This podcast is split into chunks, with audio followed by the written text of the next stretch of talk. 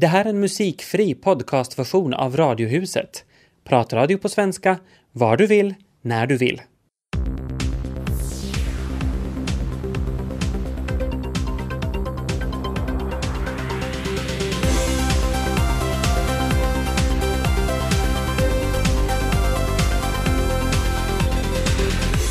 I Radiohuset idag undrar vi varför vi ska vårda vårt språk och varför det som var fel igår plötsligt blir rätt idag.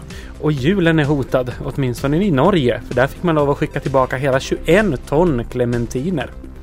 I Radiohuset med Tobias Larsson och Ami Lassila, välkomna med.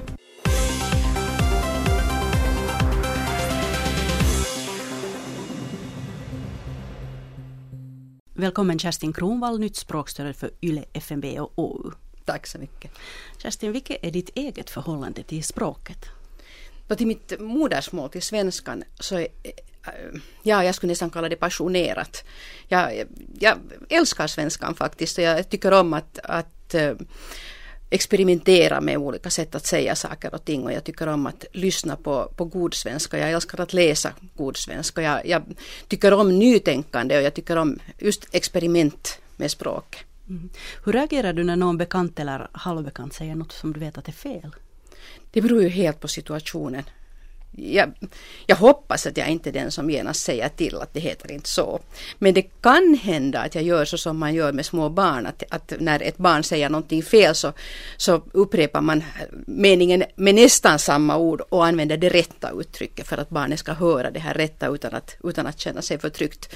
Men, men jag är nog ingen sån här utpräglad språkpolis i mitt privata liv.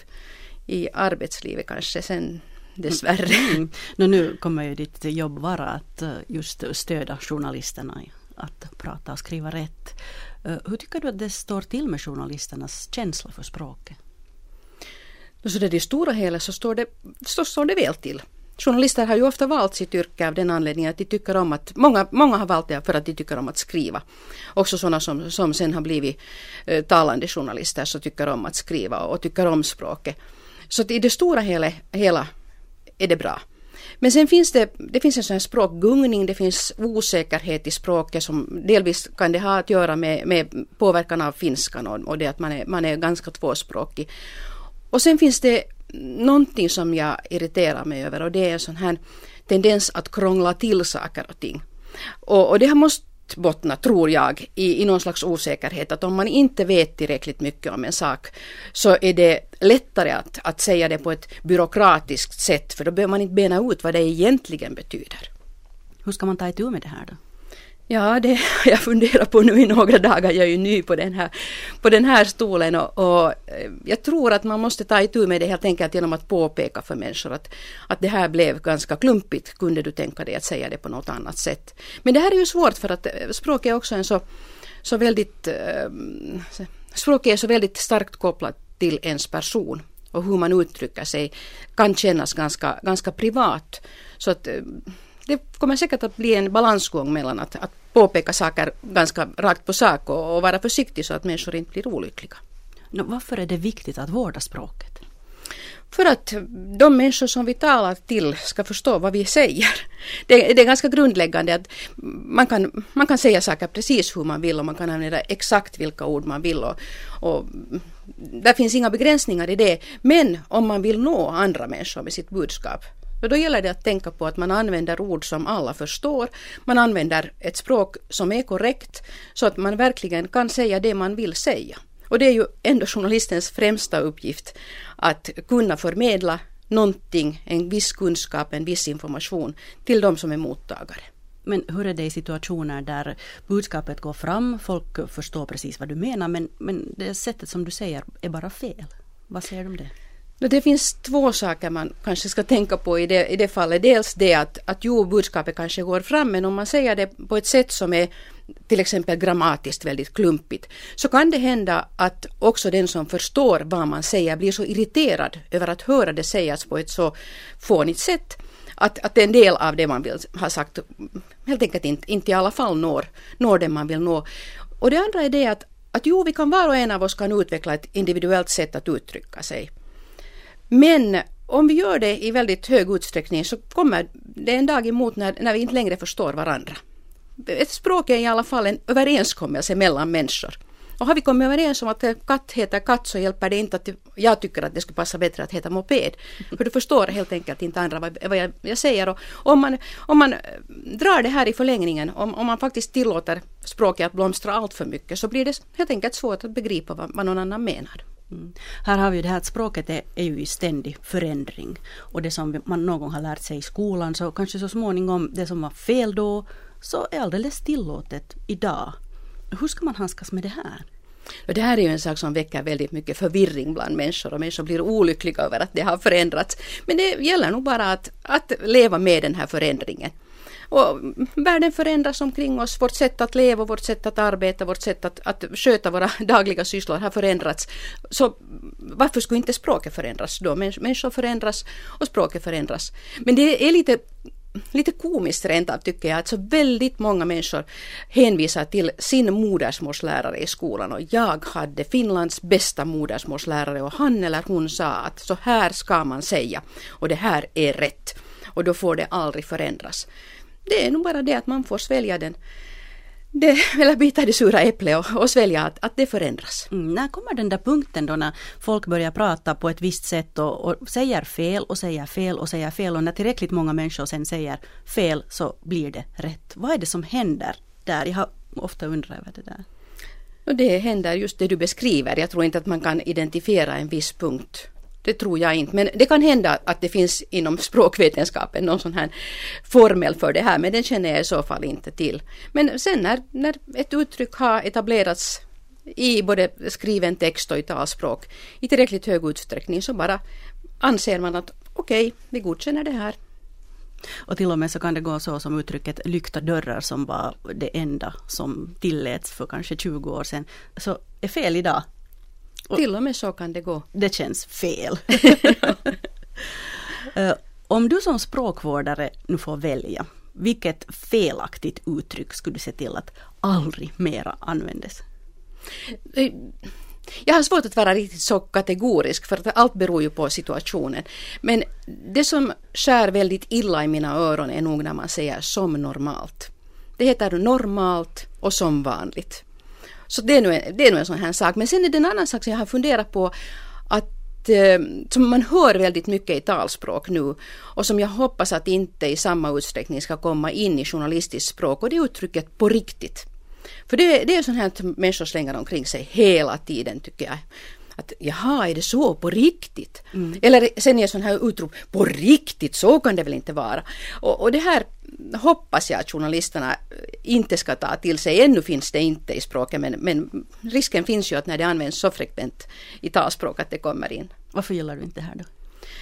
Jag bara undrar vad det är man vill säga. Det här är ju mer som ett utrop, det är ett slanguttryck. Nej, ett slanguttryck kan man inte kalla det men, men det, i och för sig är det inte fel. Man kan säga att man gör någonting på riktigt. Man, jag började spela fotboll på riktigt betyder att jag började göra det på allvar.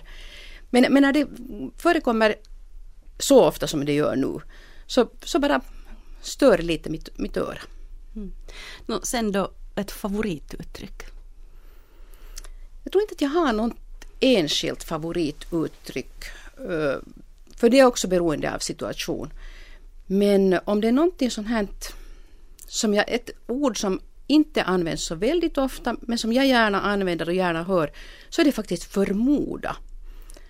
Och mm. Jag förmodar att det har att göra med att, att det är ett lite gammaldags uttryck som, som innehåller en sån här ganska stark tvekan. Man tar inte så där förfärligt starkt ställning i den, här, i den här frågan men man kan tänka sig att kanske är det på detta sätt.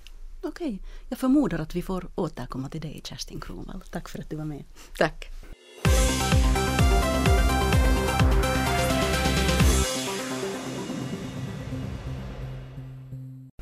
När vi just hade vårt nya språkstöd Kerstin Kronvall här som gäst så slog det mig just det här med hur starkt man förhåller sig till de här orden, just det här med lyckta dörrar som jag alltid fick lära mig att det hette och, och hur snopen jag blev sen när, när det gick upp för mig att det det, inte, att det faktiskt är fel. Ja, och, sen, och, så, och så är man så övertygad om att det här ordet använder jag rätt och jag tycker om det.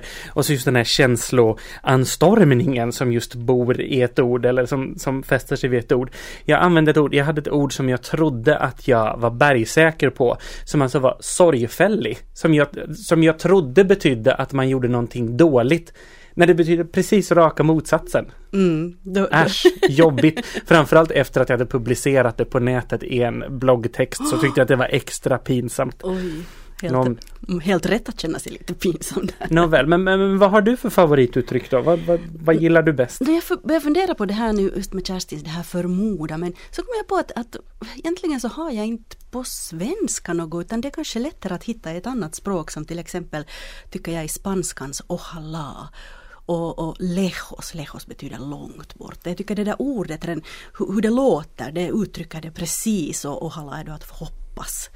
Jag tycker det är på något vis otroligt fint. Jag kan genast säga att det här är ord som jag gillar. De ligger bra i munnen också på De låter sätt. hemskt trevligt. Jag måste säga att då när jag var ny i Finland och finskan var att jag reagerade mer på finskan utifrån hur den lät än utifrån vad den betyder. Mm. Så utvecklade jag en väldig förtjusning för de här som slutar på sos och sys. De tycker jag är jättevackra. Hiljaisos tycker jag är ett Mm. så otroligt vackert ord. Ja, visst är det det. Det har jag faktiskt aldrig tänkt på. Mm, Itsenai sys. Jättefint. Ja, det, det ligger jättebra i, i munnen. Apropå sådana ord som man känner för, sådär, känslor och sånt. Eh, vilka smaker och dofter kräver du för att det ska vara jul? På riktigt. Mm, mm, gran, hyacint, pepparkaka. Kanske de. Mm, lite glögg på det kanske. Jag, jag har också gran. När det doftar riktig gran Mm. så blir jag, så blir jag sådär väldigt förtjust så. Men sen också clementiner. Jaha, Därför att när jag var liten var det fortfarande så att det fanns bara mandariner och clementiner till jul. mm, De kom ja, ungefär en månad före jul. Och då var man, då fick man sådär att när man hade skalat dem och så doftade man på fingrarna och så, så doftade det liksom clementinskal och det var, det var fantastiskt. Och då, då visste man att, att julen var på gång. Tydligen så delar norrmännen min upplevelse av det här. De kräver clementiner. Men jag ser på NRK idag att ehm, Spanjorerna har inte bara tokat till det vad gäller ekonomin utan de har kokat till det med klimatet också. Så årets första clementiner är dåliga i Norge. Att clementiner kräver alltså varma dagar, kalla nätter och lite nederbörd för att bli så som vi vill ha dem. Men nu har det varit varma nätter också och massor med regn. Så jo, de smakar helt bra de här clementinerna. Eh, Men de håller inte speciellt länge och så ser de tråkiga ut. De är inte så där knalliga i färgen utan de ser lite trötta ut helt enkelt. mm, det kan man ju inte ha på julbordet då. Nej, tydligen inte därför att Norge, då en av de största grossisterna i Norge har kasserat 21 ton clementiner och skickat tillbaka dem bara för att de ser trista ut så att kunderna Ah. kommer inte att vilja ha dem. Nej men det här är inte så där värst eh, miljövänligt och etiskt på något sätt. Apropå sånt som vi redan har pratat om tidigare, att man borde köpa det där äpplet fast det finns en brun fläck på eller man borde köpa så, det är inte vara så himla selektiv när det faktiskt kastas så mycket mat. Mm, precis, och kunde man inte till exempel då rea de här clementinerna då, så att de skulle gå åt. Jag menar vad kostar det att skicka dem tillbaka? Eller man. skänk bort dem Ja. till daghem eller skolor eller någonting sånt. Tycker jag skulle vara mycket, mycket fiffigare.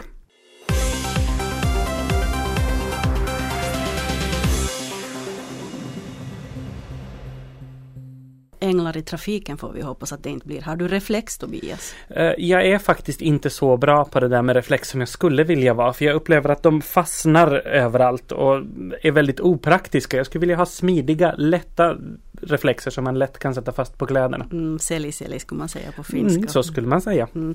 Jag kör bil det är faktiskt jättesvårt att se fotgängare som plötsligt dyker upp i mörkret och inte har, inte har någon reflex på sig. Man blir alldeles förskräckt. Men det är faktiskt så att mindre än hälften av alla fotgängare har reflex. Peter Fahlund han kollar med 12-åringarna Ted, Elias och Anton ifall de har någon reflex hängande i kläderna. Nej. Nej. Nej. Och vad beror det på då? Jag vet inte, jag har några kläder och mamma och pappa har inte sagt någonting om det så. Ja. Skärpning där hos mamma och pappa. Ja. Och, och hur är det här? Varför Nå, det det är ju som inte så mörkt i skolan så jag tycker inte man skulle behöva nå. Men på vägen hit så är det ju mörkt. Nej, jag åker bil. Jaha. Och, och varför har inte du reflex? Inte vet jag. Förstår ni nyttan av ett sånt här reflex då? Ja, gör ni? Ja, alltså då man syns ju i trafiken och sådär. Mm, jo, nu syns man ju som bättre i trafiken. Kan det vara på det viset att det känns liksom lite okult också att gå omkring med sånt där? Nå, kanske någon gång men inte oftast inte. Kanske om det är som någon väst men något smått är ju inte så stort. No, men skulle det, mm, vad är det tycker ni att de här som gör reflexer skulle hitta på någonting som skulle göra det häftigt? Nå, att sätta dem på någon jacka, alltså så att det som är på någon jacka som inte är en väst. Men sån där gul väst det är ganska som Nolo går runt med. är lame. Det är lame säger du. Jo, lame. Men varför är det det? Nå, det är som så, ja. Finns det någon möjlighet nu då, någon chans att ni börjar fundera på att okej, kanske det skulle vara bra med ett reflex? Nå, kanske lite om inte det är någon sån där gul väst. Ted Elias och Anton tyckte till om reflexanvändningen där det enligt eh, trafikskyddet i synnerhet är unga män som slarvar.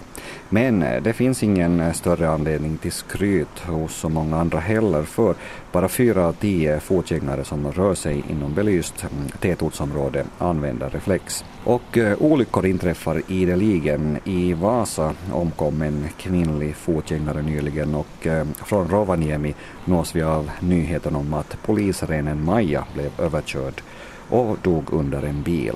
Majas PR-uppgifter hos polisen tas nu över av hennes kalv Arturi. Jag har ställt mig i hörnet av eh, Kyrkoesplanaden och Sandögatan och det här är ett av de besvärligaste ställena i Vasa när det gäller fotgängare och trafik för det är alltså en esplanad som korsas av en ganska stor tvärgata då. Nu eh, kan man nästan inte ha värre väder än vad vi har tillsammans med Johanny Törnros från Trafikskydd. Det är järngrått, det kommer regn både uppifrån och från sidan, det blåser, det är mitt på dagen, ändå så är det dunkelt. Det här, Johanny, är väl en mardrömssituation när det gäller att se folk som rör sig på gatan.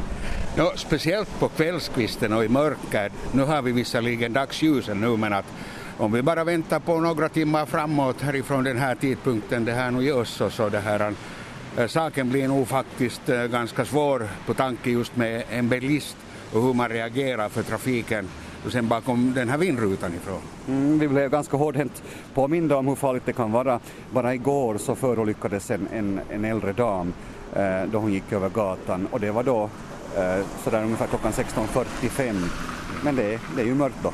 Det är mörkt då redan och det, här, det som förvärrar sen läget är ju det att det här, körbanan är våt på grund av att det regnar eller har kommit snöslask eller någonting annat. Och då syns ju bilens den här effektiva belysningen upp så otroligt mycket av, av det här, den här våta mörka asfalten att man påstår i en del fall att det finns kvar av den här effektiva ljuskäglan ute på körbanan ungefär en 20-30 procent. Och då är det ju inte, eh, ska vi säga, det bästa läget då för en fotgängare att bli synlig i god tid och, och sen speciellt om de här fotgängarna nu har på sig mörka kläder så då är läget ännu värre. Hur mycket hjälper då reflexen? Jag som nu har suttit i bil över 100 000 per år så måste nog säga att det här antagligen så har många, många människoliv blivit räddade. Också bara för, enbart för min del också ska vi säga att inte jag har kört på dem tack vare det att de har haft någondera en reflex på sig eller sen en väst. Nu finns det ju många typer av reflexer. Vilka ska man använda? Det som man borde se till då när man gör en anskaffning på en reflex är det att den är faktiskt en så kallad godkänd typ. Och då borde det förekomma på den där förpackningen bokstäverna CE. Och det här är alltid det här ändå en slags eh, kan man säga garanti för det att den är en godkänd typ.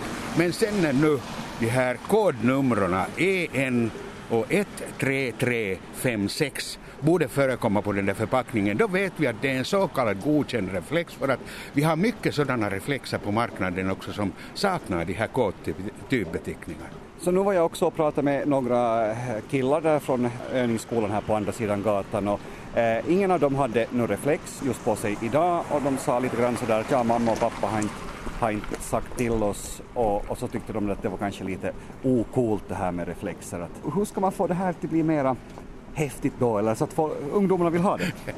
Det är nog svårt. Det är ju förstås, ska vi säga, en sån ålder också att man tycker att man klarar av alla problem i världen utan några skyddsåtgärder. Man behöver inte hjälm, man behöver inte reflex, man behöver ingenting.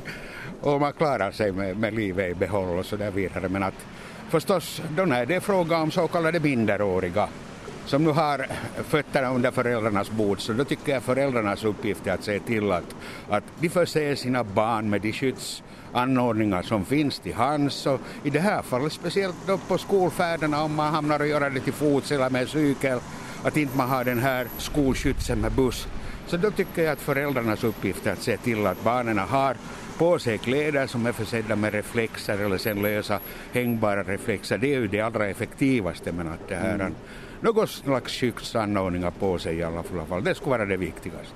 Ja, funderar ni i de här banorna om att hur man ska kunna göra reflexerna häftigare inom trafikskyddet som ju är din bransch? No, det här, om man nu går till exempel till något market och tittar på så nu finns ju där olika typer av reflexer om man nu vill kanske använda också uttrycket gulliga reflexer mm, mm. som jag tycker speciellt skulle borde vara, vara som för flickor speciellt tilltänkta att, att de skulle känna någonting för den där reflexen för att den är så gullig. Ja. Och då, då det här är det ju också att, att äh, trafikskyddet på de här Vateva klädnadsmässorna så, så prisbelönar ju i allmänhet äh, yttre klädstillverkare för klädesplagg som är försedda med reflexer och så där vidare. Men att, då är det ju att komma ihåg att, att man får ju inte heller missköta de här reflekterande materialen. Att, att speciellt på de här västarna också se efter de där tvättråden för att en enda tvätt kan redan förstöra helt enkelt den där mm. reflekterande egenskapen på det där materialet mm. om man missköter det och tvättar det fel.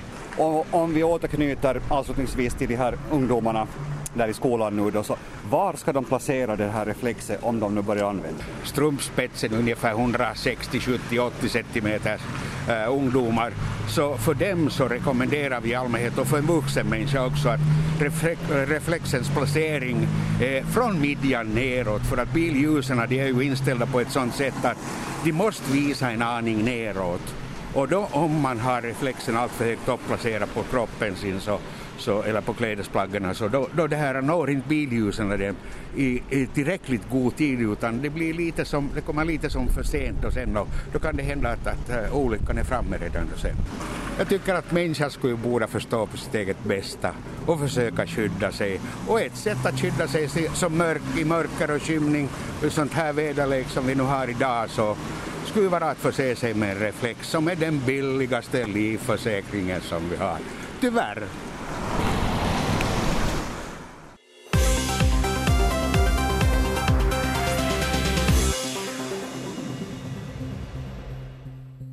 Det är otroligt vad alla idag pratar om den här slottsbalen igår. Men såklart man måste prata om slottsbalen. Alla såg på den, alla har en åsikt om den. Mm. Men jag tycker faktiskt att, ja, i år var det ingenting som fick mig att haja till sådär. Varken klädsel eller referat eller intervjuer. Jag tycker att allt löpte faktiskt rätt så smidigt sådär på svenska. Men på finska sen så kunde man ju se att folk höll på att bli galna över alla felsägningar och det här med att Eva och det plötsligt blev Lena Harkimo i den här stilen. Mm -hmm.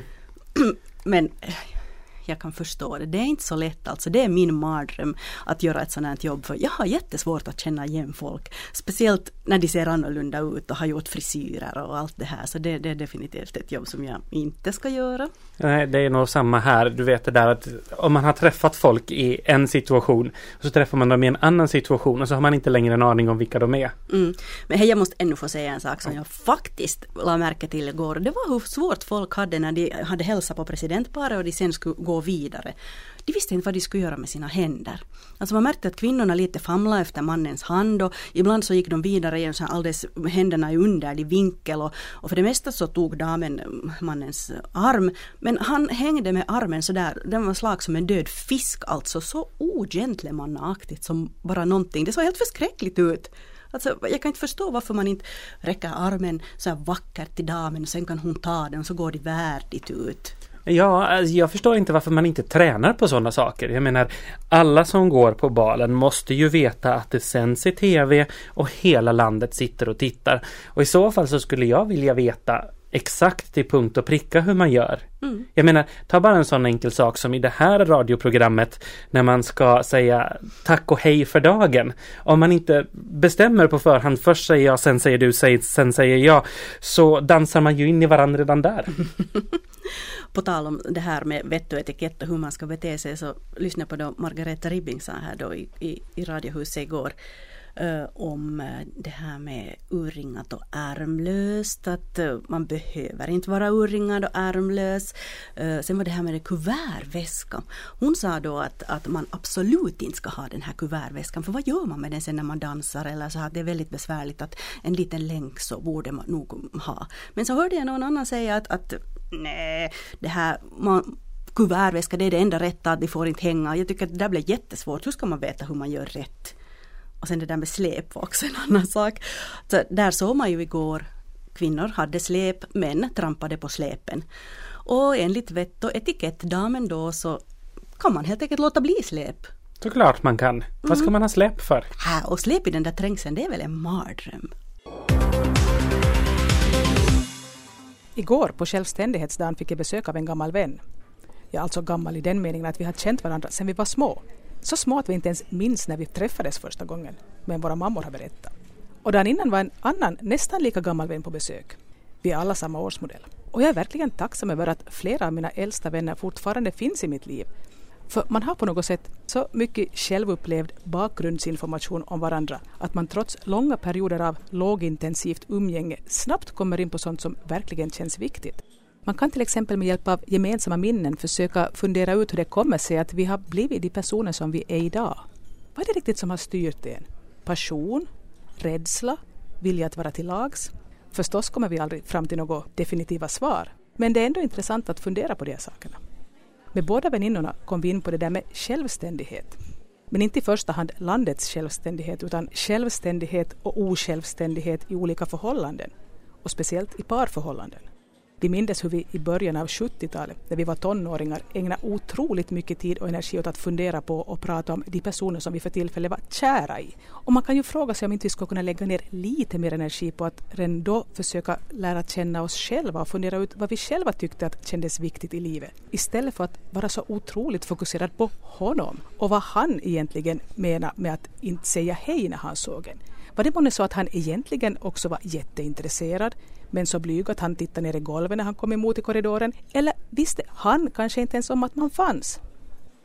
Alltså, nu fattar jag ju idag att det där med kärlek och relationer är otroligt viktigt när man är i tonåren. Men varför var vi så ensidigt inriktade på just parförhållande medan vänskapsrelationerna uppfattades som lite sekundära? Och många av oss har säkert gjort det misstaget när vi sen var ena halvan av ett parförhållande, så då struntar vi i vännerna tills vi nästa gång var utan pojke eller flickvän. Jag minns att jag nog funderade på de här sakerna redan när jag för första gången hade ett längre förhållande. Och jag minns att jag efter ett tag började tycka att det var lite småtråkigt och jag saknade mina vänner. Men sånt ville man inte så gärna medge ens för sig själv. För man tyckte liksom att man borde ha varit nöjd och glad bara för att man var i ett parförhållande. Plötsligt igår på kvällen, när min väninna för länge sedan hade åkt hem till sig, kom jag ihåg att jag ju faktiskt som 24-åring år 1983 var med i ett radioprogram som handlade om självständighet i parförhållanden. Och programmet sändes just på självständighetsdagen. Jag hade gått med på att uttala mig på det villkoret att jag skulle få vara anonym och med förvrängd röst. Det var Berit Tors som var redaktör och hon hade också varit min lärare i gymnasiet och hon visste att jag nog hade en massa åsikter om de här sakerna. Och av någon anledning gick hon också med på att jag skulle få vara anonym. Jag har faktiskt ingen aning om exakt vad jag sa i det här programmet. Men antagligen någonting i stil med att man nog måste få vara så pass självständig att man har egna intressen och egna vänner trots att man är en del av ett par. Det känns inte så värst vågat och kontroversiellt när man tänker på det idag. Men tydligen var jag på den där tiden så osäker på mig själv att jag inte vågade stå för mina åsikter. Nåja, det där var en parentes. Men ännu om förhållandet till mina väninnor. Efter ett antal år och flera långvariga parförhållanden var det som om det skulle ha gått upp för oss att vänskapsrelationerna faktiskt är viktiga. Och någon gång kring mitten av 80-talet var vi en grupp lätt desillusionerade damer som konstaterade att pojkvänner kommer och går, men flickvänner består. Ja, alltså i den här gruppen var de flesta av oss heterosexuellt inriktade, men inte alla. Så vi borde kanske ha sagt att parförhållanden kommer och går, men vänskapsförhållanden består. Mitt namn är Ann-Sofie Sandström och jag vill gärna skicka en varm hälsning till alla mina gamla vänner och speciellt till de två som inspirerar mig till den här kolumnen. Ni har båda funnits i mitt liv betydligt längre än min man. Och han har också varit med förvånansvärt länge.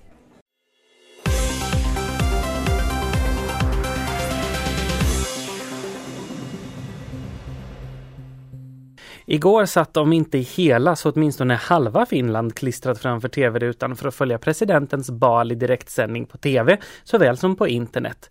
Sam Stoiber var producent för den svenskspråkiga sändningen och jag frågade honom hur det känns så här dagen efter. Ja, det känns eh, bra. Även om man är, är, trött. Det är en tung process att, att ro i land det hela. Eh, så då är man lättad men och trött. Vad tycker du om sändningen som helhet som den såg ut i FST5 igår? Alltså hela den här sändningen tycker jag, den är ju lite absurd. Att eh, man vill bänka sig där hemma i soffan för att se i en och en halv timme då människor skakar hand. Så eh, för att, eh, att sälja det här konceptet till en utlänning är kanske inte så hemskt smart och inte lätt heller. Eh, så då måste man ju tänka utgående från de premisser som vi som upplever att det här är en viktig grej för vår självständighet, eh, den här sändningen. Eh, så tycker jag faktiskt att den är rätt så underhållande. Och att ha de här momenten att det är då så hälsning från två olika köer och få lite in då kanske underhållning däremellan, få lite då höra människors röster som är in, in, inbjudna. Så jag upplever att det är ändå en väldigt trevlig grej att vi har möjlighet att göra en sån här sändning. Om du som producent fick ändra på någonting i upplägget av Slottsbalen, vad skulle det vara? Jag tror att innehållsligt kanske inte så hemskt mycket utan det gäller då mera tekniska grejer att kunna komma uh, med kamerorna närmare in på själva festen. Att, uh, I och med att man har att göra med någonting med presidentslottet så är det väldigt då liksom fastslaget att vad man, vad man får och inte får göra. Och det, det märker man som tv-tittare då kanske att man är lite utanför, att man, man kommer inte så in på där festligheterna. Hur tycker du att eh, Svenska Yles kommentatorer och reportrar klarade sitt jobb? De var så gott som alla var med för första gången på den här produktionen. Och eh, med det i tankarna så tycker jag att de klarar sig galant. Uh, sen det att uh, man kan bli alltid bättre på att känna igen människor. Uh, så det är någonting som man sen då kan utveckla vidare på. Men jag är, jag är jättenöjd med, det, med den arbetsgrupp som vi hade. Barnen hör till de absolut mest betittade programmen och i år så har det också varit en av de mest kommenterade för tittarna kunde twittra under sändning och ett urval av det folk skrev syntes i rutan på text-tv-sidan 398. Hur tycker du att Twitter funkar som komplement till balen? Eh, jag tycker att det är en jättebra grej. Eh, nu har jag själv inte under sändningen haft möjlighet att, att läsa det som är på Twitter eh, eller det som har twittrats men jag har fått då berättat till mig då efteråt att det har gått väldigt hett till där. Och det är liksom, jag tycker att det är bra att det finns en kanal där man då i sociala medier kan komma med sina egna åsikter. Att vad är bra, vad är dåligt och så vidare. Vad ger det för mervärde till tittarna? Det är kanske just det att uh, man kan bli hörd. Det blir mer interaktion då mellan produktionen och publiken. Eh, en utveckling där kunde vara då kanske att, att i refereringen ta i, i beaktande det här som då man kan läsa på Twitter. Och, och, det är kanske någonting som vi kunde tänka på till nästa år. Om man vidareutvecklar den här Twitter-biten i det hela, den kom ju just som en textremsa från text-tv. Ehm, och ibland så la den sig i vägen. Den lägger sig konstigt i bilden och lägger sig över presentationsskyltar och sånt. Hur mycket sånt kommer ni att se över till nästa år? Det där är en intressant fråga och eh, jag kan inte ge entydigt svar. Det är ju klart att man vill göra saker och ting bättre, utveckla det. Så det är någonting som vi måste liksom försöka då ta itu med och, och få tekniken och, och, anpassa sig enligt så att det blir en bättre tittarupplevelse. Nu när, man, när du säger att det är text-tv så text-tv är gans, rätt så klumpigt. Det, det är ganska gammalmodig tek, teknologi och där kanske inte alla gånger finns så hemskt mycket som man kan göra. Men att jag tycker att det som kan göras så ska vi också försöka göra. Till sist Sam Stoiber, producent för Slottsbalen igår. Vem tycker du var stiligast i folkhavet? Oj! Jag har två favoriter. Uh, då är det Jenny Vartiainen. Jag tycker hon var urhärlig. Uh, och dessutom när jag sen då efter tv-sändningen tog slut hade möjlighet att, att komma in i, i slottet och kunde se henne då helt live. Så hon var bara underbar. Och uh, den andra är var den här ishockeyspelaren Ossi Väänänens eh, fru eller flickvän, vad hon nu heter, Mirella Koulas eller något sånt. Hon var också urhärlig, urskön.